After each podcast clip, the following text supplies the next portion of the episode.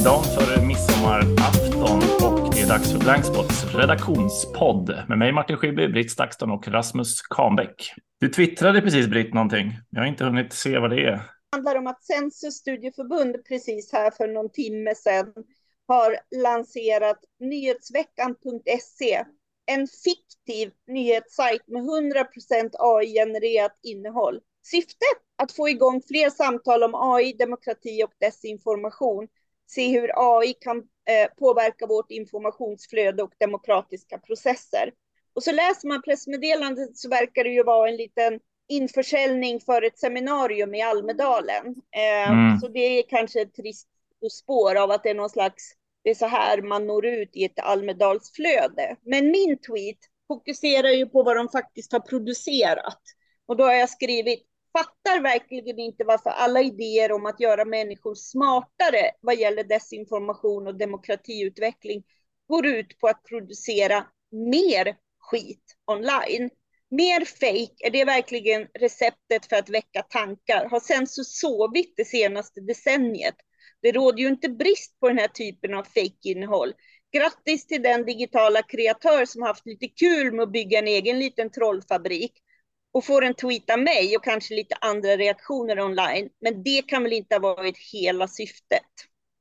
Och så länkar jag då till pressmeddelandet. Och går man in på den här nyhetsveckan så är det ju liksom en kondensering av hur vår tid ser ut. Liksom. Du uppmanas ju att prenumerera på ett nyhetsbrev där det står vill du göra som 64 000 andra och kostnadsfritt få vårt veckobrev till din inkorg? Uppfejkade siffror liksom eh, och så vidare för att få dig att locka att eh, klicka på det. Sen har jag förstås inte på den här stunden hunnit titta på varenda artikel, men vad man förstår i pressmeddelandet. Den, den första jag såg var ju när, vara... den första jag såg en artikel som var ja, kör. Eh, pandemin, en täckmandel för läkemedelsindustrins ekonomiska intressen. Grattis, har vi ju inte sett någon annanstans. Nej, hela covid var liksom ett sätt att Ja, jag vet inte om de skriver om, vad heter det, Ivertemin eller vad heter det där? Ja. Exakt. Ja. Och 3D-printat kött och lite det här. Det är ju liksom rubrikmässigt inte så mycket eh, eh, känner man ju igen. Men jag tror nästan att jag blev mest upprörd över de fejkade insändarna. Liksom. Mm. Eh, just som folkbildningsaktör. Ehm, eh, chansen att ge vanliga människoröster. Och det är klart att vi vet att i ett eh, informationslandskap där eh, du strukturerat kan jobba med desinformation för att få fram dina synpunkter. Eh, eh, även i tryckta mediers tider har det funnits liksom påverkanskampanjer som har handlat om att eh, Agda eller Harry Olsson har skickat in insändare som kanske inte var verkliga personer och så. Men det finns någonting eh, provocerande i att sammanställa det här. Klicka här och vips så har du ett veckobrev i inkorgen helt kostnadsfritt. Men det bekymmersamma är ju också att man producerar någonting som heter nyhetsveckan.se. Och om man går in på om så fortsätter ju bara det här hittepåt. Mm. Sanningen ofiltrerat. Vi är stolta över att rapportera om det som sker objektivt och utan det filter som många branschkollegor lägger över sin nyhetsbevakning. Det är ju lite mm. osunt att som eh, folkbildningsaktör göra det här. Ehm, det här är ju ett angrepp mot journalistiken som, som um, utgångspunkt också. Liksom. Mm, mm. Det, det, är ju det maneret man, man fokuserar på. Och jag, det här har jag reagerat på förr. Jag blir så trött när man tycker att man måste producera mer fejk för att få folk att förstå.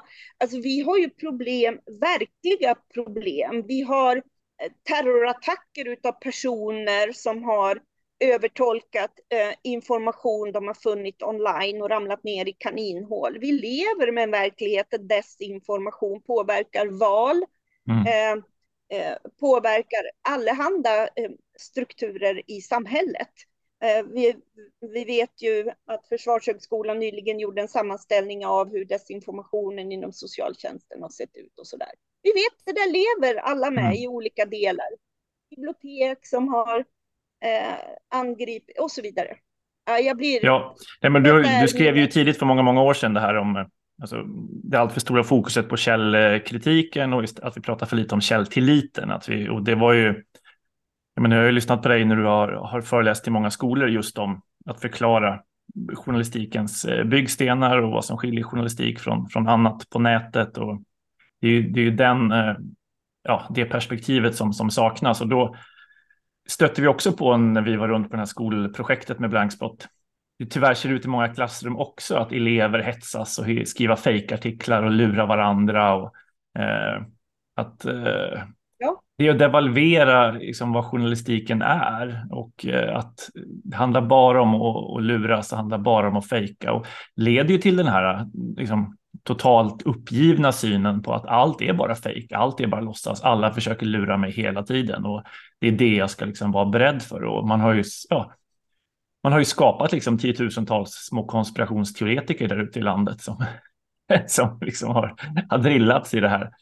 Och det är ju inte bara Nej. du, det är många som har varit, UR-chefen har ju varit ute och jag tänker Åsa Wigfors och eh, en mängd har ju varit ute och också liksom, ja, men varnat för det här, att det, den här oerhörda fokuset på fejk och enbart käll, källkritik har någonstans spårat ur och är ett hot mot eh, liksom det arbete som seriösa publicister försöker driva om lärarkårer och studieförbund liksom jobbar, eh, jobbar mot oss. Ja, men det underminerar mm. verkligen och, och det är ju också att det vore väl fiffigt om det ledde, men alltså deras uppgift, studieförbundens uppgift är ju att, att vilja eh, ja, men göra människor klokare och metoden för det är ju fördjupning och samtal, eh, reflektion och det här leder ju det här leder inte till det. De säger ju, jag hittade inte den, men att de har en liten samtalguide, samtalsguide om AI.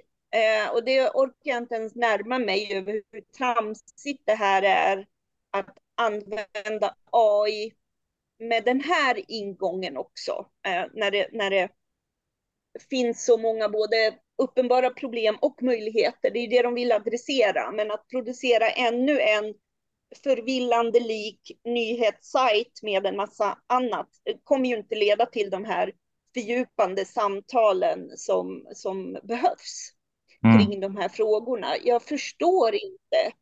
Eh, då är det väl möjligtvis så att det, eh, svaret kanske ligger i det där Almedalsseminariet, att få lite uppmärksamhet inför, eh, inför det. Liksom. Mm. Men det sker mm. ju på bekostnad av något, när det faktiskt hela mm. folkbildningen står och famlar fullständigt just nu. För det är ju vad jag har mött det senaste senaste året, de eh, känner sig ju helt överkörda, osedda, missförstådda, famlar efter sin, sin uppgift på samma sätt som traditionella politiska partier inte förstår varför det politiska engagemanget inte, eh, som ju finns på något sätt i samhällsdebatten, men att det inte leder till engagemang i organisationer till exempel. Och då mm. att det här ska vara receptet för att öka kunskapen om så här nyckelfrågor. Men kanske lite att jag var extra triggad eftersom jag ska ju prata desinformation och demokrati vid två tillfällen i Almedalen. Så man bara... Aah! Ja, nog om det. Ja, jag undrar vilken eh, ansvarig utgivare de har för det där. Ja, ja bra fråga. ja, det är ju något påhittat namn säkert. Men jag... du Rasmus som har kastats in här. Martin är ju van med mina rants. Vad tänker du? du nej, nej, men jag, jag, jag, jag, läser, jag, jag är inne på hemsidan och håller på att läsa för tillfället och det är citat från Joe Biden och Greta Thunberg och det är, de har en inforuta längst upp till höger man kan klicka på där det står att det är 100% AI-genererat och nej, jag, jag bara tänker att det vem, vem, vem tar ansvar för innehållet någonstans? Jag, jag, vet inte riktigt om jag ska skratta eller gråta när jag tittar på honom, om jag ska vara helt uppriktigt. Det, det, är, ja, det är svårt att ta den eh, till sig, men de skriver på sin hemsida att skapa denna sajt på en enda person mindre än en arbetsdag. Eh, men planeringen inför det här arbetet måste ha ju tagit väldigt mycket mer. Mm. Exakt så, det är klart. Ja, det är ju inte av omsorg av deras eh, tid som, som reagerar på det. Det är väl att nej, precis. man har liksom en, ja, det, nej, men det finns väl en, ingen ansvarig utgivare, men en oansvarig utgivare. Nej, nej, man blir trött. Vad händer i Azerbajdzjan? Vi, vi, tar ett, vi, vi, tar, vi, vi tar ett hopp till. Ja. Uh, ja. Jag har sett en, en, brygga, en, en, en, brygga till desinformation, tänker du? Nej, jag tänker bara att jag är trött på det här studieförbundet. Behöver inte fake-exempel, eller hur? Ja, nej men alltså jag, jag reagerade på en sak igår, det har inte jag skickat ut till er innan, men jag, jag såg en tweet av några centerpartister. Det är Nils Par Pedersen och deras, eh, nu ska vi se vad hon hette, eh, Europaparlamentarikern. Eh, Just det, Pegasus-frågan. Så, så, Abir Al-Salani. Mm. Som, som twittrat ut, har regeringen köpt övervakningsprogram? Mm. Var, var, var, den, var den övergripande frågan. Och Svaret är ju sannolikt nej. Delvis är ju Pegasus jättedyrt så att mm. det, det, är inte bara att köpa in Pegasus utan det eh, och, och Israel eller NSO från Israel. De är, de är ganska restriktiva med att sälja programvaran dessutom för de, de vill inte att eh, vilken stat som helst ska få insyn i hur de arbetar. Eh, så, så svaret är ju med allra största sannolikhet nej. Sverige har inte köpt in eh, Pegasus. Jag svårt att skulle, skulle se att det, att, att det hade hänt. Men, men själva frågan var ställd öppet för allmänheten och man hade en ansvarsutkrävande mot, eh, mot regeringen mm. eh, för att kunna få svar på detta. Och så utan att ge någon form av kontext och utan att förklara vad är egentligen Pegasus för någonting, varför ställer vi frågan, utan det, det, det, kom, det kom som en anklagelse mot, mot regeringen, en ganska allvarlig anklagelse som inte var paketerade varför den mm. skulle skickas ut. Och detta reagerade ju väldigt många på, eh, såg jag i sociala medier. Det var, det var både på Facebook, Instagram och, och Twitter som folk har reagerat på den här frågan. Att, eh, men vad, vad håller ni egentligen på med? Säger ni att vi håller på att övervaka oppositionen i Sverige eller varför vill ni få svar på den här frågan?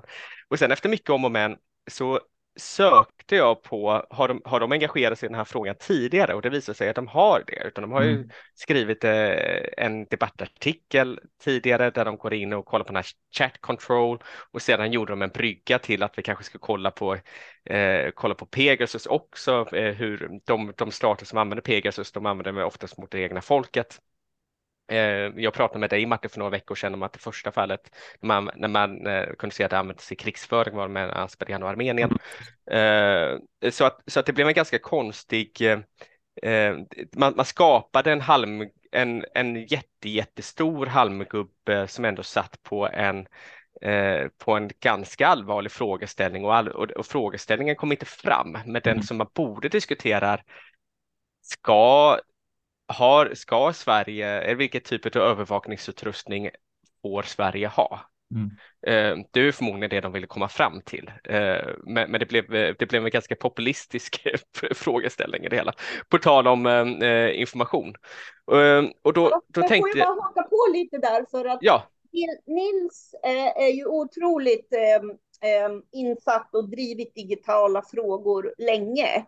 Ja. Eh, och, och har ju varit väldigt engagerad i chattkontrollfrågan eh, eh, nu. Eh, och, och, jag ser här när jag följer lite Twitterflöde kring det du sa, att det verkar ju vara som att de har gjort den här meme-liknande bilden med har regeringen köpt övervakningsprogram? Att det finns något brev kopplat till det när de får kritiska frågor om det här. Eh, jag frågar regeringen om de har införskaffat spionprogrammet, säger Abir Al-Salani när hon svarar på kritiken. Jag vill veta det för att de i allra flesta fall där regeringen har skaffat programmet har dessa använts för att spionera på kritiker, oppositionen, journalister, civilsamhället med fler. Läs gärna brevets innehåll, svarar hon när någon frågar. Det är ju som du säger, det är ju ett väldigt populistiskt sätt att undersöka den här frågan. Men Centerpartiet vill ju verkligen eh, positionera sig som att driva digitaliseringsfrågor eh, tydligt. Liksom. Ehm, så att för mig eh, förvånar det inte att, att Nils syns i det här sammanhanget. Jag, han har ju verkligen varit aktiv i chat control på senaste tid och den frågan ligger på bordet. Men just det här som du säger att man glömmer bort det saknas ju en kontext för de allra, allra flesta som ser det här. Och mm. att det är en underlig väg att gå. Ja. Precis, och sedan när jag läste i, ehm, jag hittade, jag hittade inte några skriftliga frågor i riksdagen om att det har lagts fram och, och så vidare, så jag försökte ta reda på eh, hur, eh, hur, hur går egentligen ordningen kring det här och eh, det, det kom inte fram. Jag fick inte svar på frågan, eh, så att jag ska försöka söka dem för att bara kolla på hur, hur har det här lagts fram, vilka svar man fått tidigare, för det är en principiellt viktig fråga ja. Eh, kring, eh, kring vilken övervakningsutrustning som Säpo och Försvarsmakten får ha i Sverige. Ja, bra. Fortsätt kolla och undersöka det. Ja, men, men Azerbajdzjan, jag ja. skickade en video till er innan för att det, det, det är det, det sker ju demonstrationer och så vidare i Azerbajdzjan ibland och de brukar, de brukar slås ner ganska snabbt. Men nu har det hänt någonting nytt eh, i, i de demonstrationer som uppstått jag tittar, de senaste dagarna. Jag tittar på eh, den här, och, det är kravallpolis som förföljer en kvinna som och sprayar, ja. peppars, pepparsprayar henne ser man här på filmen. Mm. Ja, men precis. Så att, så att vad som har hänt är att en Eh, det, att Aliyev-familjen äger, alltså presidentfamiljen äger en, en guldgruva i nordvästra Azerbajdzjan. Mm. Och den här guld, och då har de eh, velat eh, utöka produktionen från guldgruvorna. För att kunna göra det så behöver man eh, bilda en vattenreservoar där man kan släppa ut det farliga avfallet. Det är det billigaste sättet att, att göra detta på. Mm. Det, gör att, eh, det gör att byn som ligger bredvid har gått ut i massprotester och säger att vi vill inte leva i någon form av miljöfarlig värld här, mm. utan så, så, att hela byn har gått och försökt att stoppa den här utökade produktionen, vilket gör att Alia-familjens eh, eller regimen har satt in eh, kravallpolis i den här byn. Eh, och det blir mm. ganska dramatiskt, alltså det, mm. den, den, kontrasten mellan att det är en fredlig by där det inte händer någonting till att det kommer mängder med kravallpolis som sedan sprayar en, en, en äldre kvinna i, i ögonen med pepparspray eh, har gjort att eh, de här demonstrationerna som förmodligen var, kunde varit ganska små och lokala har blivit riksomtäckande. Mm. Ehm, det är inte det att, man, att alla tar till, tar till gatorna, för det har man lärt sig i Azerbajdzjan, det går inte riktigt, utan däremot har det varit en jättestor snackis i sociala medier. Eh, och eh, polisen har börjat med massarresteringar mot aktivister, mot journalister, mot eh, människor som uttrycker sig kritiskt mot detta även om de inte befinner sig i stan och man har infört blockader. Polisen har infört blockader mot den här byn för att man inte ska kunna resa in. Och det, det som är nytt med de här protesterna är hur aktiva de här unga aktivisterna är. Eh, och man måste säga de, de är jättemodiga. Jag pratade med en av dem i, igår eh, som är 22, 22 år gammal och driver något som heter eh, Demokrati 18 Movement.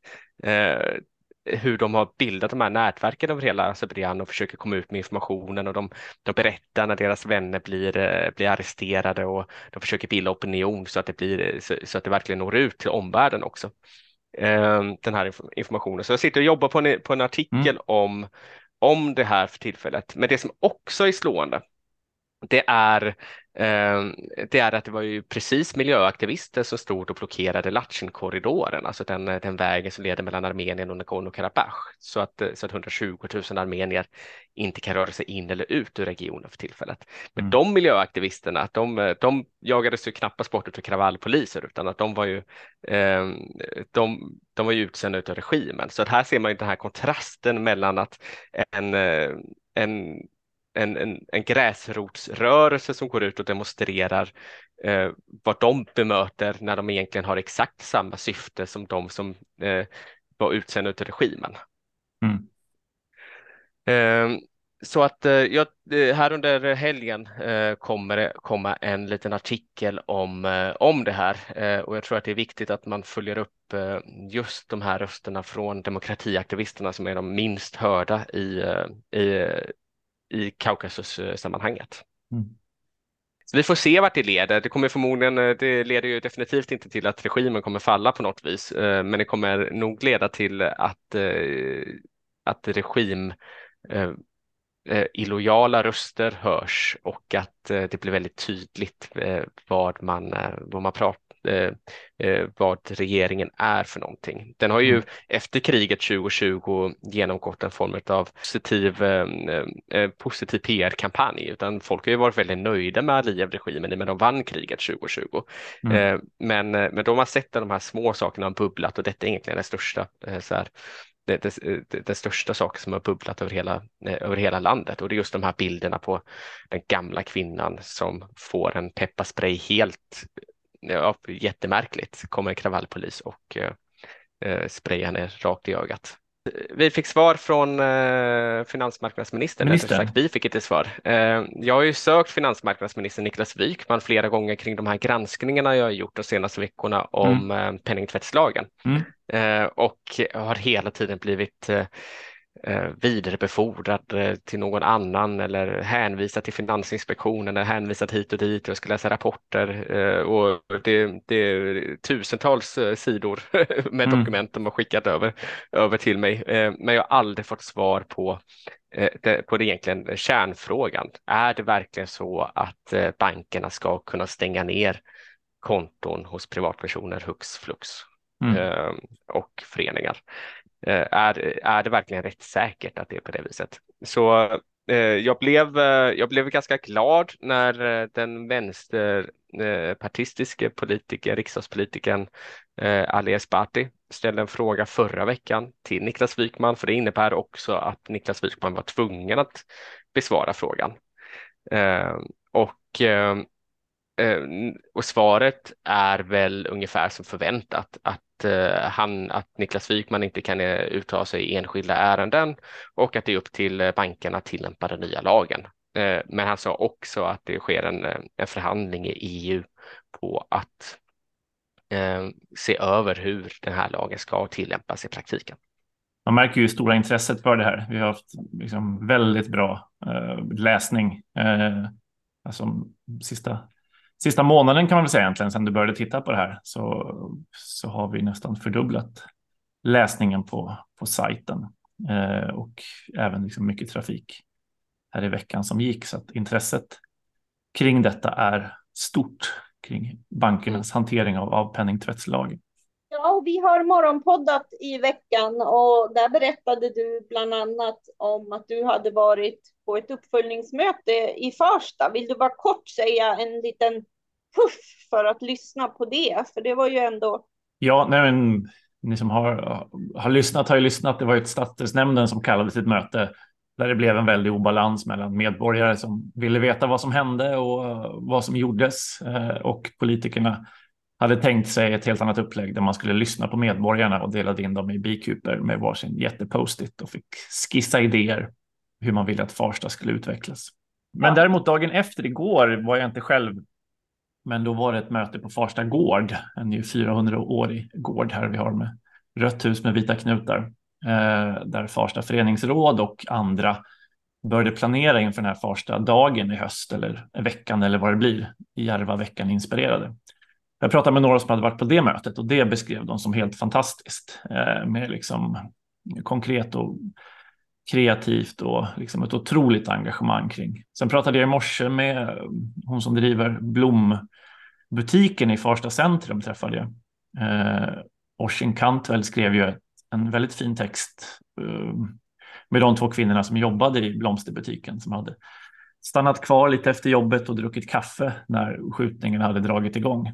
De ja, men såg ju allt och var ju med i hela processen och kunde sedan inte lämna butiken heller eftersom ja, polisen skulle hålla förhör och liknande.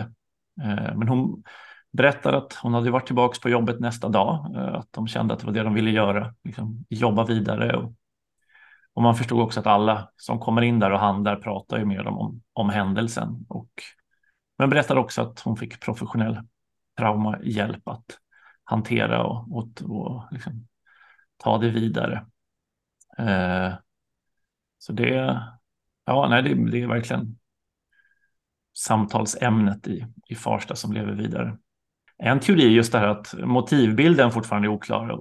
Det, det kommer väl när åtal väcks publiceras ett, ett förundersökningsprotokoll och så vidare. Men just nu är det ju många som verkligen uppfattar det som, en, ja, men som ett angrepp på Farsta. Ja, men att det här gänget finns här, ja, då är alla vi som bor i Farsta mm, inte civila utan någonstans också skyldiga eh, för man ger sig på då Farsta-gänget, man ger sig på alla Farsta-bor. Eh, så har en del upplevt attacken just eftersom motivbilden fortfarande är så eh, diffus eh, kring, kring vem, vem och vad skotten riktade sig mot. Och det är en, en obehagligare tanke någonstans. Det blir som ett, som ett krig att gerillan, vissa byar anklagas för att då eh, stötta, men här är inte då en gerilla utan ett kriminellt gäng bara för att man bor här. Ja, det, det, det blir ju nästan som någon form av terrorattack. Ja, då, blir, då blir det ju det om det är tanken att liksom ingjuta skräck. Det är ju själva liksom, skolboksdefinitionen av, av, av, av terror, om, om, det är det som är, om det är det som är syftet. Men det ska bli lite skönt faktiskt att åka ut till landet, lite så, eh, på distans till, till Farsta under en period för att sen komma tillbaks. Jag sa också innan att ingen funderar på att flytta, men den diskussionen har, har man verkligen mött nu i veckan. Eh, folk kollar Hemnet mycket mer än för en vecka sedan och sådana Ja, med det. Vi låter ja. lite midsommar eh, av, avslagna. Ja. Men eh, detta är ju den högtid på året där jag känner mig... Eh, du vill också flytta till Österrike då? Eller? Uh, nej, men det är väl mer att jag, jag har ju noll relation till midsommar överhuvudtaget. Ja. Uh, jag uh, tillbringade ju midsommar som barn i Norge eller Österrike. Uh, och har, ja, all, verkligen ingen relation till den här högtiden. För mig är den totalt överhypad, precis som nyårsafton. Så det är min ingång i detta. Skriv en, Alex, skriv en krönika som Alex Schulman, han sågar alla högtider en efter en i Ja. Men eh, det är klart, det är ju eh, alltså alla tillfällen att få samlas och ha det lite trevligt är förstås. Men det finns något kring den här eh, midsommarfebern som liknar nyårsaftonsfebern som gör en lite så eh, ja, jobbigt när man har så höga krav på allt. Men man hoppas att alla får så fint som man siktar på att få med alla krav på ingå i rutinerna. Liksom. Jag träffade mm. någon igår som berättade om att när, när hon hade varit lite, bodde uppåt norrut i Sverige, så var det till och med stora diskussioner om de exakta kakorna som skulle finnas på just midsommarbordet. Mm. Det var kul att höra. Mm.